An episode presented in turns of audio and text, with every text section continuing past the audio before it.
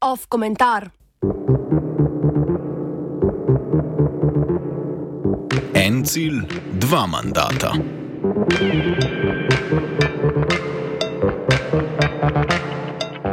Popoplavna obnova Slovenije je osrednji politični dogodek oziroma proces, ki bo definiral prihodnost in usodo vlade Roberta Goloba ter njegovega gibanja Svoboda. Zdi se neizpodbitno, da bo avgustovska ujma vplivala na politična razmerja, tudi ko bo skozi upajmo takrat že očiščene struge, preteklo še precej vode. Golop ima, ne da bi se tega nadejal, namreč pred seboj možnost, da izpolni svojo visoko letečo napoved o dveh mandatih. V resnici smo si zastavili za cilj dva mandata, že danes. Zato, ker če želimo resno nasloviti razvojne izzive države, moramo gledati dlje kot je en mandat. To je prva in ključna sprememba, ki jo uvajamo. Tako je Golob govoril lanskega maja, takrat še kot najverjetnejši novi mandatar, ko je izpeljal prvi krok uradnih koalicijskih pogajanj. Ambiciozno, sploh glede na to, da je v zgodovini slovenskih vlad, teh je bilo 15, le Janez Drnovšek uspel kot premijer voditi vlado več kot dva zaporedna mandata.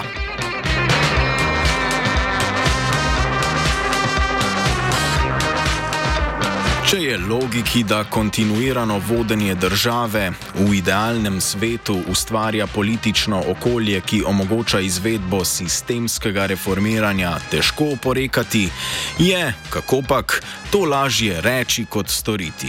Kljub temu, da je Golob na volitvah dobil široko podporo in je njegova stranka osvojila največ poslanskih mandatov v zgodovini, ter lahko vlada praktično sama, brez koalicijskih partneric.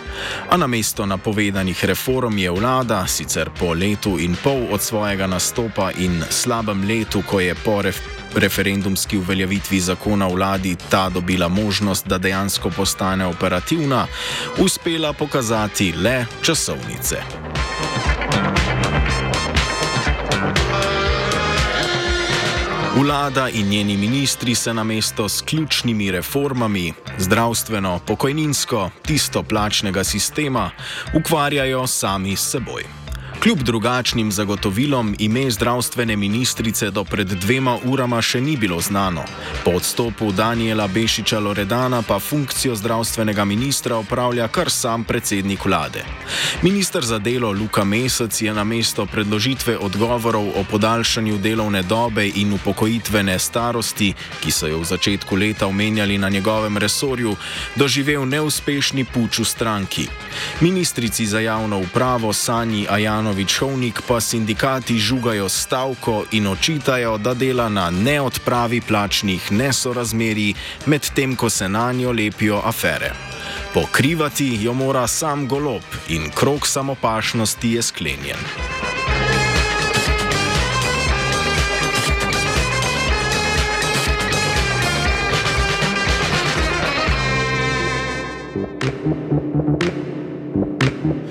A izpeljava strukturnih reform je tek na dolge proge, ki se sploh v obdobju manj stabilnih vlad, takim smo priča od leta 2008, raztegne čez več različnih vladnih garnitur. Odgovornost je posledično razpršena, vsakokratna oblast novih in ne tako novih obrazov pa se lahko izgovarja, da je neko področje zanemarjeno že več kot 30 let. Pa tudi, rezultati sprejetja reformne zakonodaje niso vidni čez noč. Za primer vzemimo zakon o dolgotrajni oskrbi. Državni zbor ga je potrdil julija in čeprav je že v veljavi, se bo začel uporabljati z novim letom. In še to s postopnim uvajanjem sprememb, ki v večini datirajo v leto 2025. Zato je težje oceniti dejansko operativnost vlade.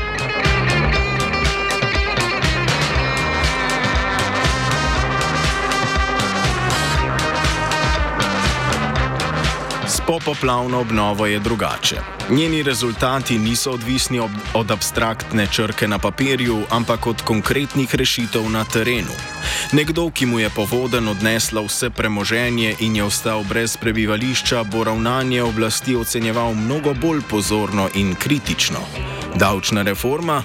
Že prav, pripeljite težko mehanizacijo. Vladni odziv na najhujšo naravno nesrečo v zgodovini Slovenije je bil hiter. Premijer je predčasno prekinil svoj dopust, se vrnil v domovino in z ministersko ekipo odšel na prizadeta območja. Obisk predsednice Evropske komisije Ursule von der Leyen in komisarja za krizno upravljanje Janeza Lenarčiča je vsaj na vzven dal vtis, da se je država aktivirala tudi na mednarodnem področju.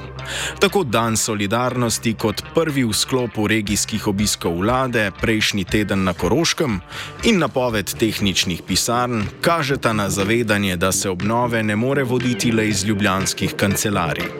Državni zbor je sprejel vladni interventni zakon po poplavah, v pripravi je še zakon o obnovi.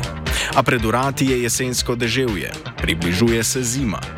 Nekateri pa še vedno ne vedo, ali se bodo lahko vrnili v svoje domove. Krajani strug zato terjajo odgovore in v nasprotnem primeru ne izključujejo državljanske nepokorščine.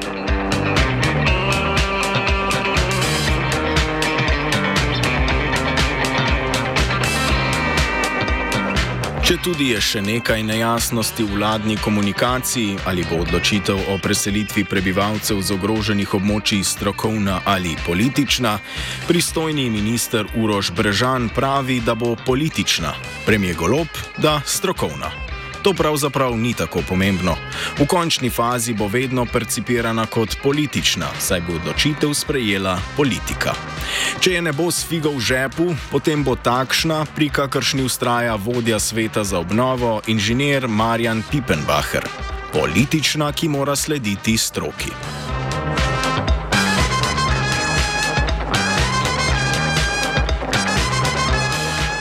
A jasno je, da bodo rezultati teh odločitev vidni čez čas. Premijer Golop je govoril o načrtu, ki bo trajal 5 do 10 let, da se obnova izpelje na ustrezen način. Če se bo Golobova vlada obdržala do konca svojega rednega mandata, ki se izteče spomladi 2026, bo takrat že moč presoditi, ali gre tako imenovani nacionalni projekt obnove v pravo smer ali ne.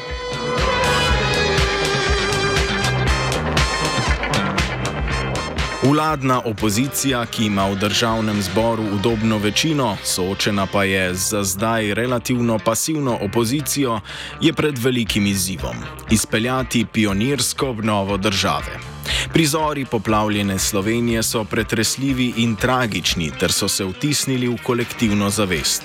Vendar kljub pretresljivosti in tragiki golobovi vladi ponujajo priložnost, da kapitalizira naravno nesrečo in izpolni napoved dveh mandatov. Ta cilj bi bil sicer, če bi vladno delo in tudi prihodnost političnega projekta Gibanja Svoboda presojali po dosedanjem delu, težko dosegljiv. Reforme se lahko valjajo po predaljih ministrstv, ukrepi za ljudi, ki so izgubili vse, pač ne.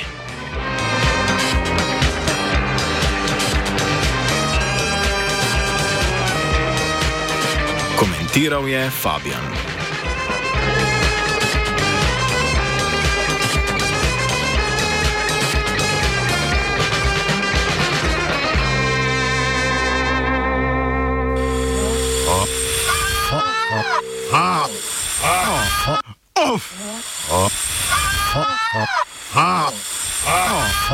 Komentar.